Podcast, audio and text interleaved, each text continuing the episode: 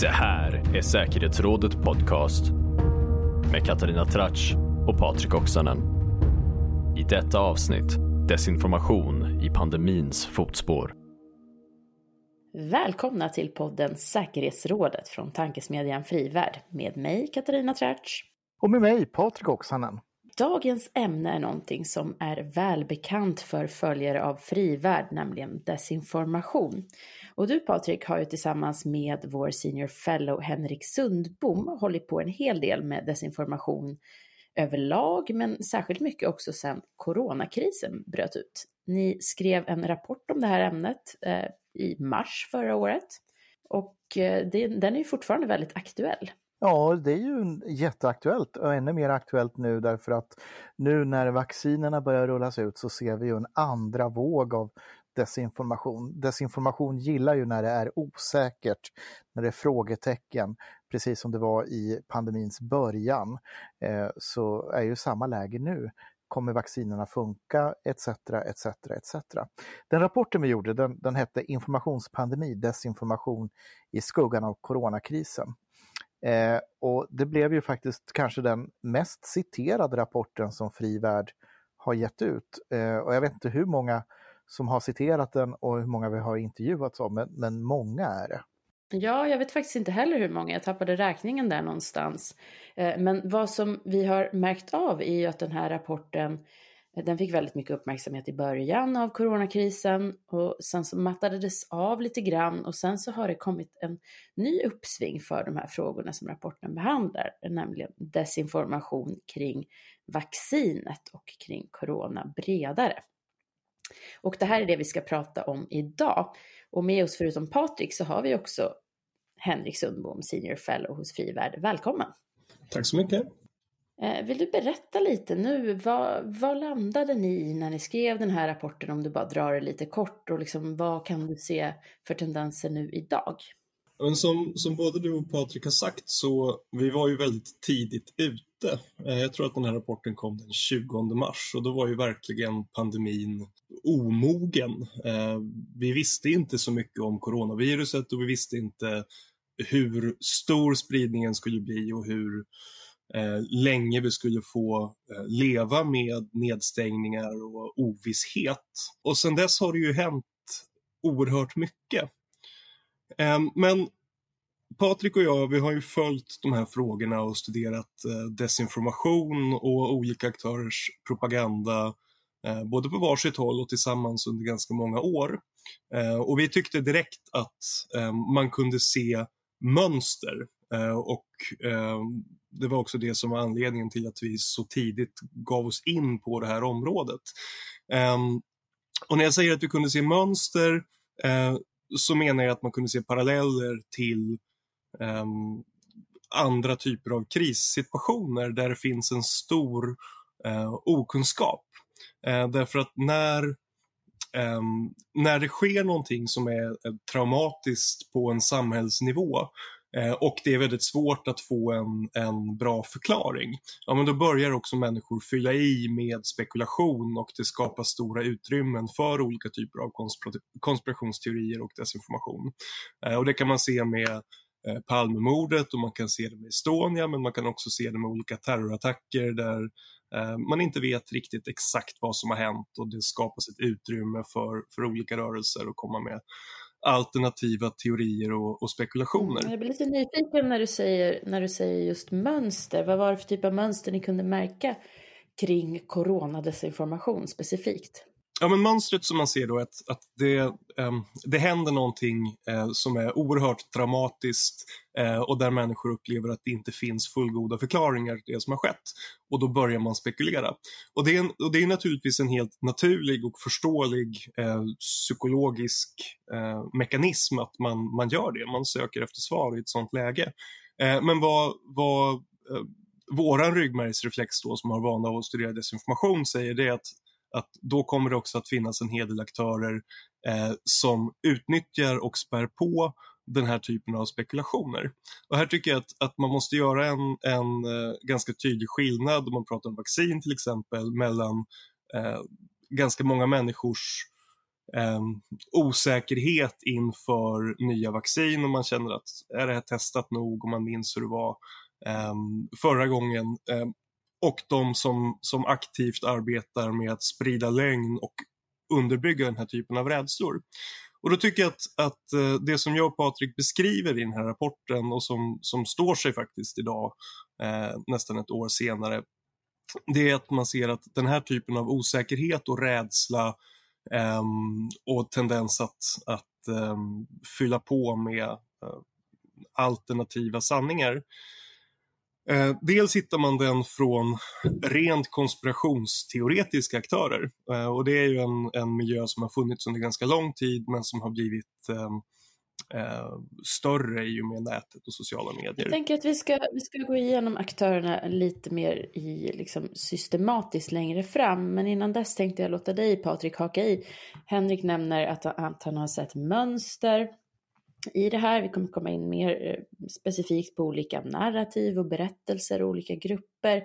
Vad, vad är ditt intryck av hur desinformation sprids idag, inte minst med anledning av vaccinet och, och hur det spreds när corona kom till en början? Nej, men det vi såg var ju att de här aktörerna som eh, är inne i att sprida desinformation av olika syften de fick ju en himla massa energi av det här. De såg möjligheterna och började pumpa på.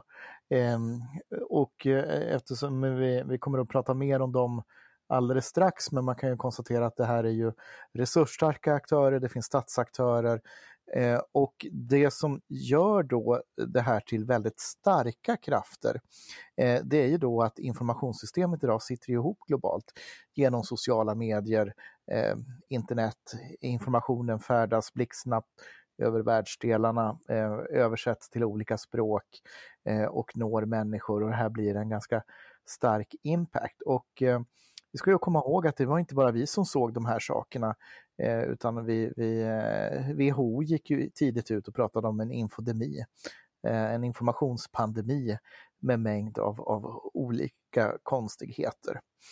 Eh, och, eh, eh så det var en del i, i mönstret vi såg.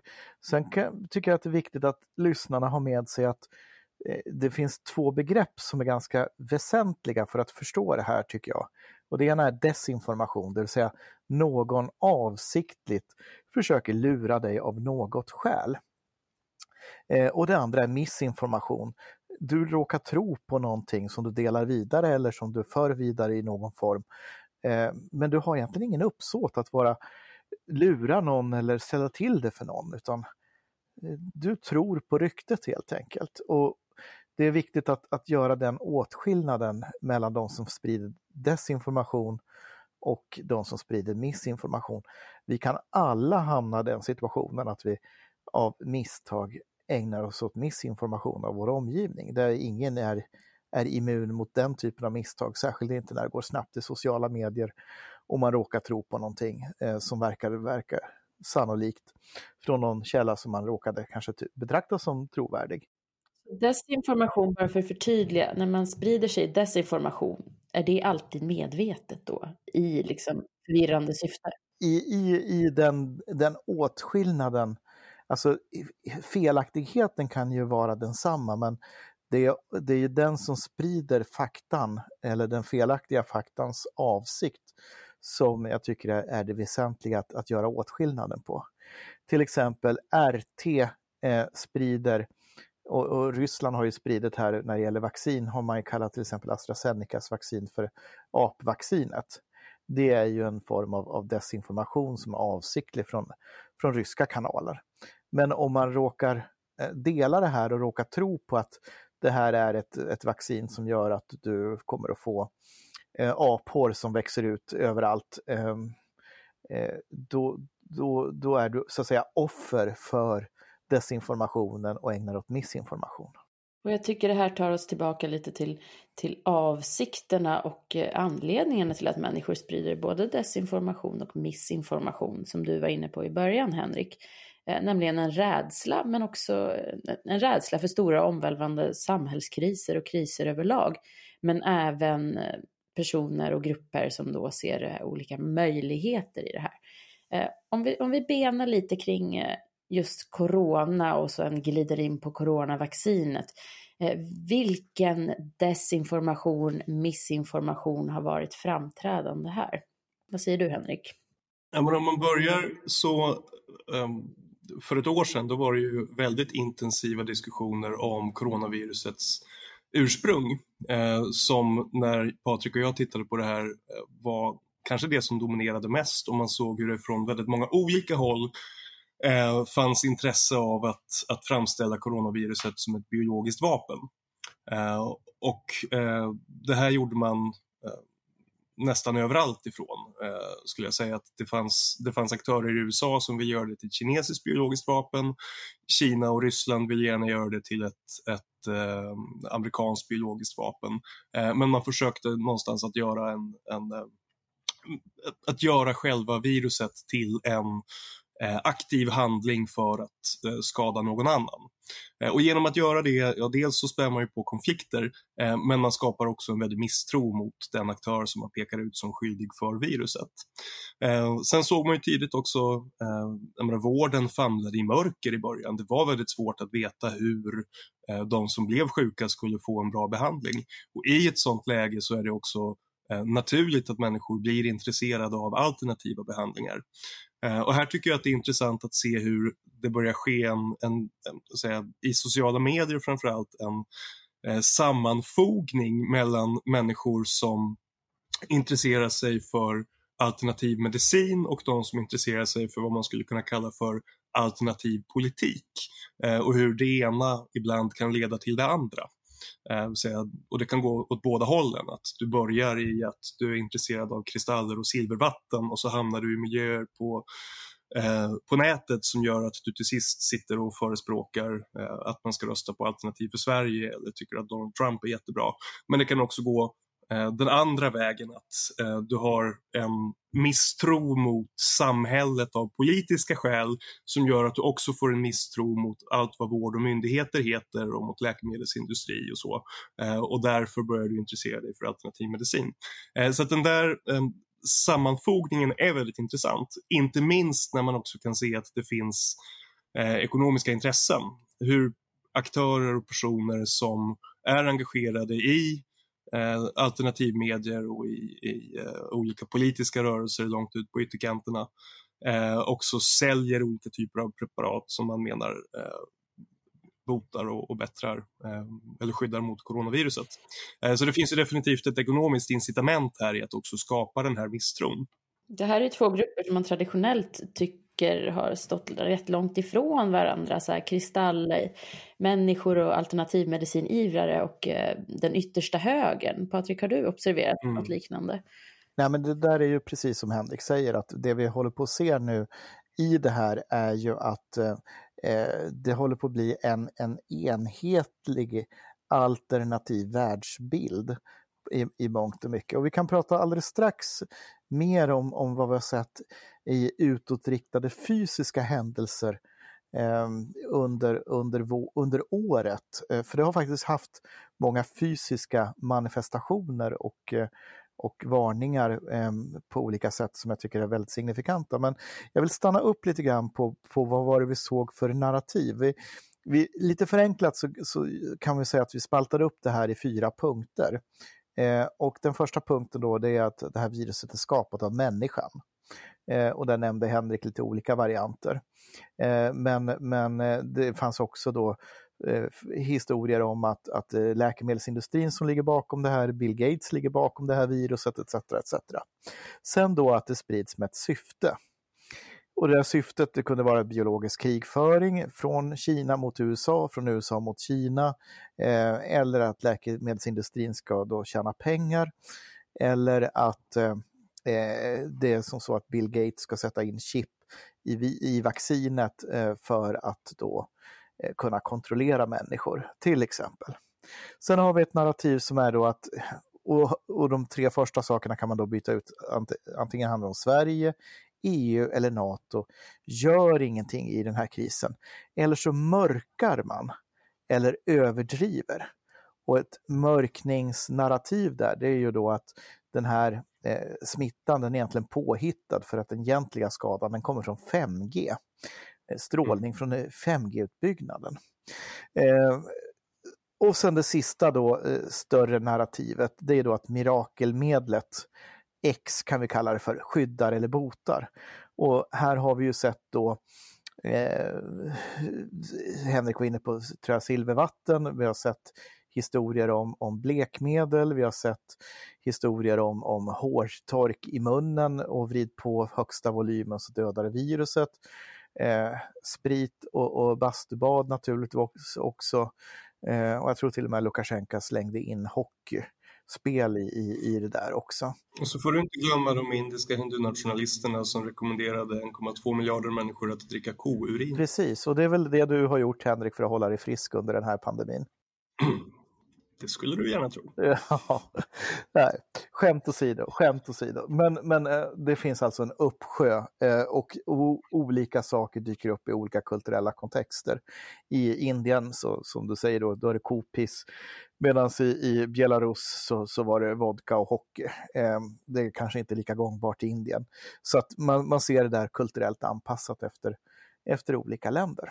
Men är det inte det bara traditionell gammal vidskeplighet? Och huv... förr i tiden kallade vi för husmoderskurer. Vad är det som gör det till desinformation? Därför att i det här så finns det ju aktörer som tjänar pengar på det. Då kommer vi in på vilka aktörer sprider det. Eh, och då har du aktörer som, som saluför det här eh, att de vill sälja silvervattnet. De kanske har vitaminer, eh, fiskleverolja eller ett eh, pulver som egentligen är helt verkningslöst men som kanske är mjöl, vad vet jag. Eh, där man på olika sätt då vill, vill tjäna pengar på det. Eh, och då rimligtvis så, så borde man veta bättre än att det här att det här inte funkar eh, i, i många avseenden. Det finns en annan aspekt också på de som sprider desinformation och vill tjäna pengar. Eh, det är ju överlevnadskit som Alex Jones på Infowars eh, säljer.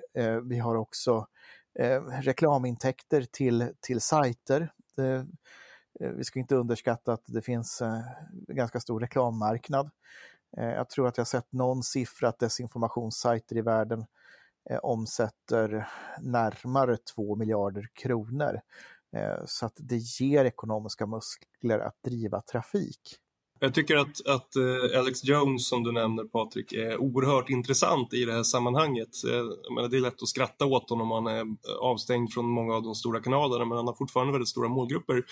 Ehm, men hans resa från den, den eh, lokala knäppjöken på en radiokanal i Texas en gång i tiden som folk skrattade åt för att han hade så hårresande och konstiga teorier till att, att bli en person som är eh, ja, men, har presidentens öra då under Trump-åren. Um, och som hela tiden, jag menar för honom är inte eh, försäljningen av alternativmedicin och överlevnadskit, det är ingenting som är nytt för coronakrisen för en person som Alex Jones. Utan han har det här som sin eh, stora inkomst som han har blivit väldigt rik på. Och en väldigt stor del av det han publicerar handlar just om att måla upp bilden om den nära förestående samhällskollapsen av en anledning e-, eller annan. Och då tar han också varje händelse som man överhuvudtaget kan fantisera fram eh, som intäkt för att detta kommer och pushar försäljningen av de här sakerna. Eh, och det, det, är en aktör som är, eh, han, han, är extrem och han är ett extremt exempel, men han är också väldigt inflytelserik i konspirationsteoretiska och numera högerextrema kretsar.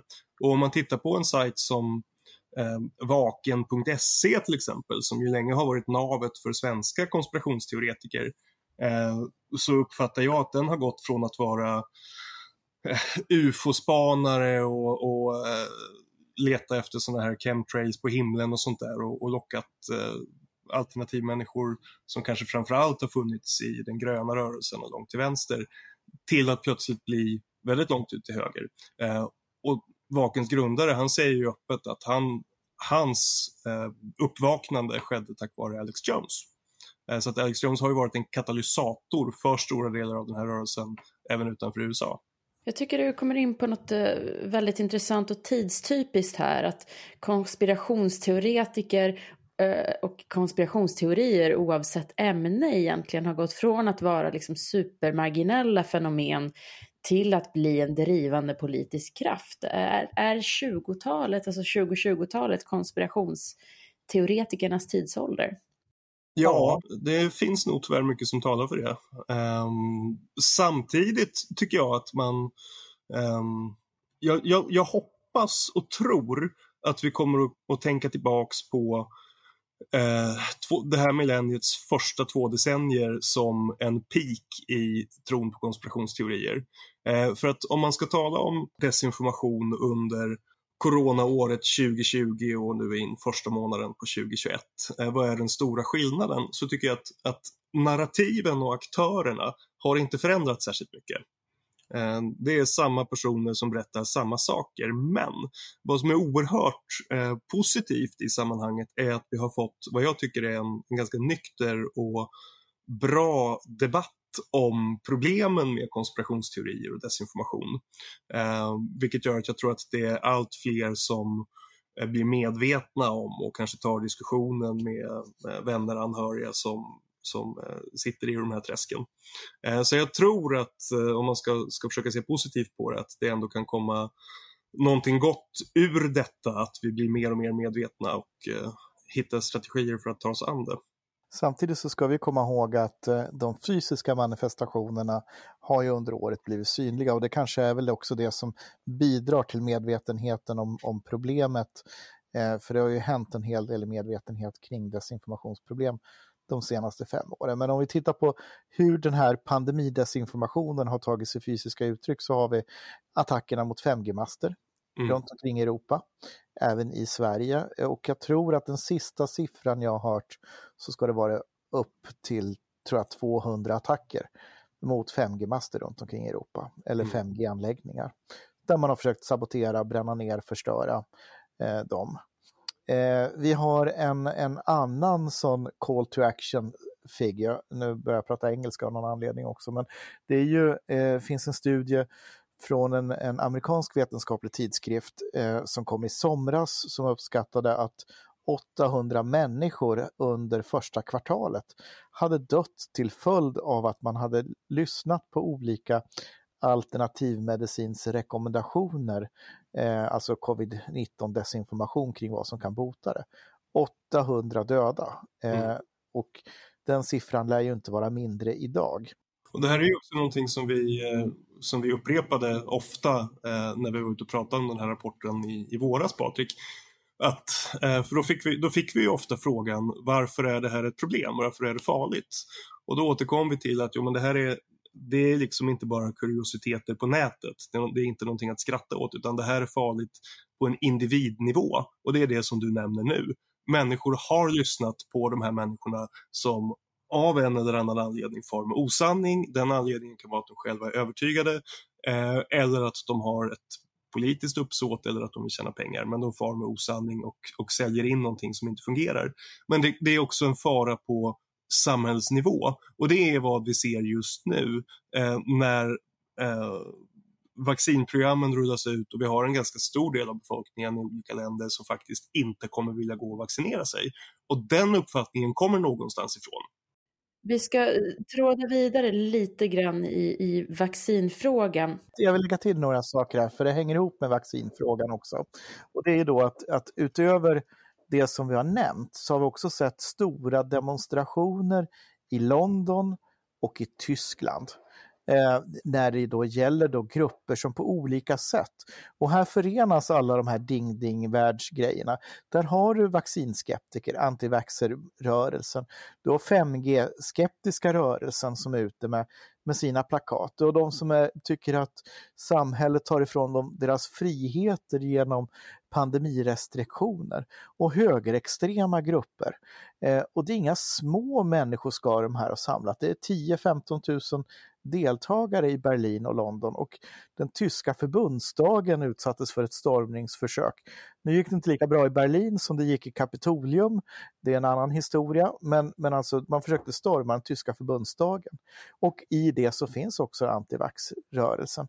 Och i Tyskland så har man nu varnat för att man fruktar terrordåd från, eh, som en del av radikaliseringen av covid-19-skeptikerna. Och då ingår ju även antivaccinationsmänniskor i det, för att man gifter ihop sig med den högerextrema rörelsen och är beredd att då gripa till handling. Och eh, en annan sån sak är också att svensk polis har varnat för att eh, eh, vaccinationsställen kan bli utsatta för angrepp eh, i Sverige.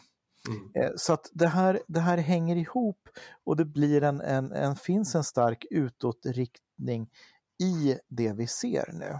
Mm. Jag tänker att vi ska fortsätta knyta an till antivaccinfrågan. Henrik, du var inne på någonting Eh, väldigt intressant i början när jag bryskt avbröt dig, nämligen det, det, finns ju olika element av vaccinskepsisen. Det här, det här är ett nytt vaccin som har utvecklats väldigt fort.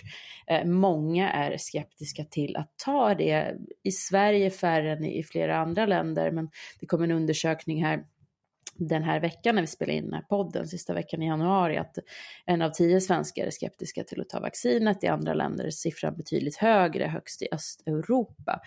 Eh, men, men är man konspirationsteoretiker för att man inte vill ta vaccinet? Nej, det är klart att man inte är konspirationsteoretiker för att man inte vill ta vaccinet utan det finns ju, alltså, det finns ju lika många anledningar till att vara skeptisk som det finns eh, skeptiker nästan. Um, det här är ju liksom någonting som människor resonerar väldigt mycket kring och, och, det är en oro som jag tycker att man ska, ska ta på allvar. Eh, men, men problemet här blir ju att alltså, jag tycker att oron ska tas på allvar genom att man ska lyssna, resonera och komma med korrekt information som beskriver eh, riskerna i relation till eh, förtjänsterna med att låta vaccinera sig. Eh, men problemet här blir ju då att när den här oron finns eh, så är det en inte oansenlig del av dem som, som har en förståelig och eh, ja, men en, en eh, en oro som man ändå måste erkänna, som istället för att lyssna på den informationen kommer att söka sig till alternativa källor. Och då riskerar man att handla i, hamna i eh, det som jag då, när du avbröt mig, vill beskriva som tre olika nivåer av desinformationsaktörer. Där man å ena sidan har de som är de rent konspirationsteoretiska kretsarna, ofta alternativmedier eller, eller eh, olika typer av läkare som förlorat sina legitimationer och är ute på märkliga föreläsningsturnéer där de samtidigt passar på att kränga örter. Eh, som, som sprider sin desinformation. Eh, därtill har man eh, statsaktörer och statsstödda aktörer eh, som är in och sprider den här desinformationen för att de har ett intresse av att skapa en misstro mot statsapparat och myndigheter i andra länder. Och där ser man hur både Ryssland och Kina till exempel eh, jobbar på det viset. Och så har man naturligtvis också då däremellan eh, inhemska politiska aktörer som, som även de har ett intresse i att skapa en misstro mot etablissemang och myndigheter. Så det blir på tre olika nivåer, från gräsrotsnivå till inhemsk nivå till eh, främmande makt som alla är in i väldigt många olika länder och kontexter texter för att, eh, att eh, skapa den här osäkerheten. Och det blir ju ett oerhört stort problem. Och när man tittar på de här siffrorna som du beskriver Katarina från olika länder så min magkänsla säger mig att de här sannolikt överlappar ganska mycket med vilket förtroende man har för myndigheter, för vård eh, och kanske också delvis med eh, faktorer som korruption. Mm, jag, ska, jag ska haka i lite där. Eh, när det kommer in på siffror nämligen och eh, som jag tänkte att vi skulle ta innan vi avslutar. Eh, och det har att göra med nya undersökningar som har kommit till var vaccinmotståndet är som störst och det, det, det, finns en tydlig koppling till det du säger, nämligen de mer etablissemangskritiska rörelserna. Vi kan se det där översättas i partipolitiken i Sverige där eh, 77 procent av svenskarna, enligt den senaste undersökningen från Novus, eh, säger att de tänker vaccinera sig för covid-19. Eh, men motståndet är som störst hos Sverigedemokraterna. Eh, där, eh, nu ska vi se, enbart 57 procent säger att de tänker vaccinera sig, 28 procent är osäkra. Och det här har ju också gjort att Jimmy Åkesson idag, fredag när vi spelar in den här podden, har gått ut med att han tänker vaccinera sig offentligt, nämligen filma det hela liksom för att appellera till, till sina följare. Va, hur resonerar ni kring det här, Patrik? Va, vad säger du? För det första måste jag säga att det är ett välkommet besked av Jimmy Åkesson att vilja ta ansvar Mm. Mm. för att eh, städa upp eh, bland eh, SDs sympatisörer i den här frågan. Så att eh, jag hade gärna sett att han hade varit ute tidigare men, men, men jag vill ändå bara säga att det, jag välkomnar det. Jag tycker att det var bra gjort av Jimmie Åkesson att säga att, att gå ut och, och ta den här frågan och att det är väldigt viktigt att, att SDs partiledning förstår att eh, Eh, de behöver också ta samhällsansvar eh, och eh, bli mycket tydligare i den här frågan. Eh, så jag, jag, välkomnar det, jag tycker inte att siffran är förvånande. Det är i, i bland annat i den här gruppen eh, människor som vi hittar Eh, en hel del vaccinskepticism i. Och som, som vi var inne på tidigare i det här samtalet, vi ser den här hopgiftningen av, av världsbilder.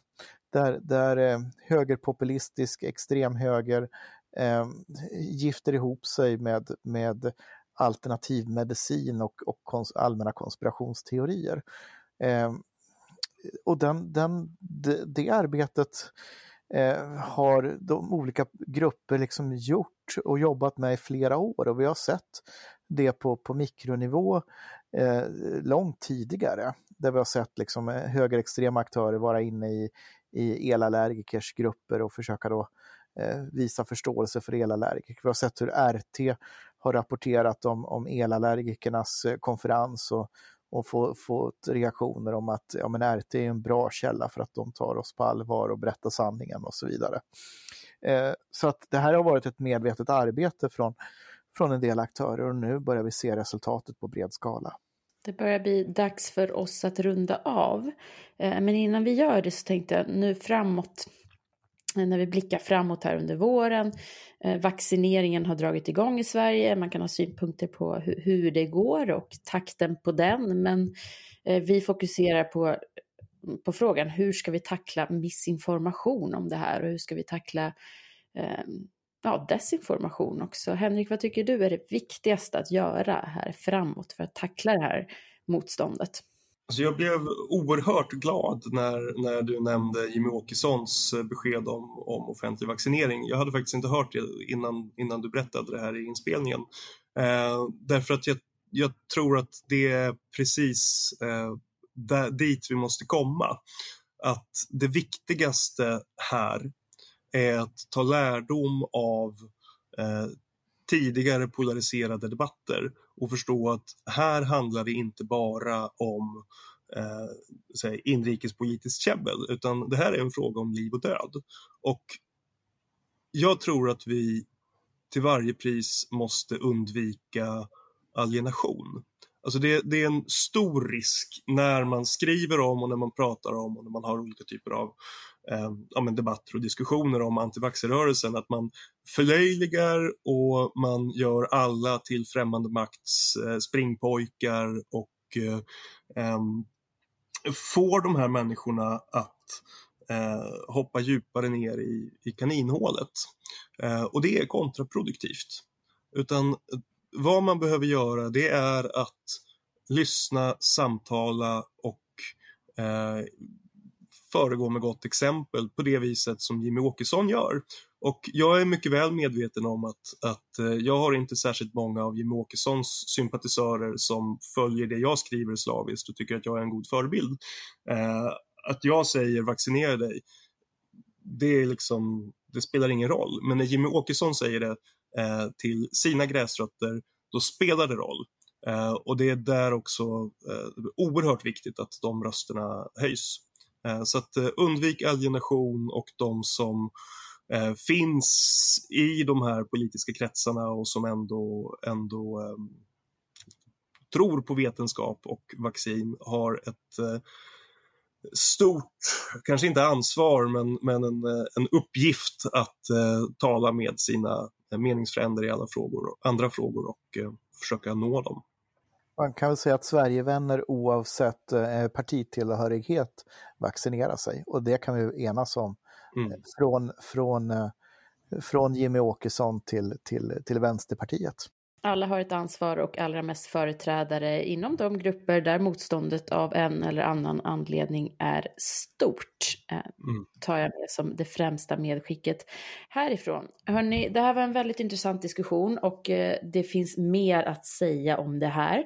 Eh, vi kommer definitivt att säga mer om det under den här våren och under det här året för coronapandemin kommer ju dessvärre inte ta slut i ett nafs. Så Följ oss om ni vill fortsätta följa de här frågorna. Eh, stort tack till Henrik Sundbom för att du var med oss idag. Tack för att jag fick komma hit.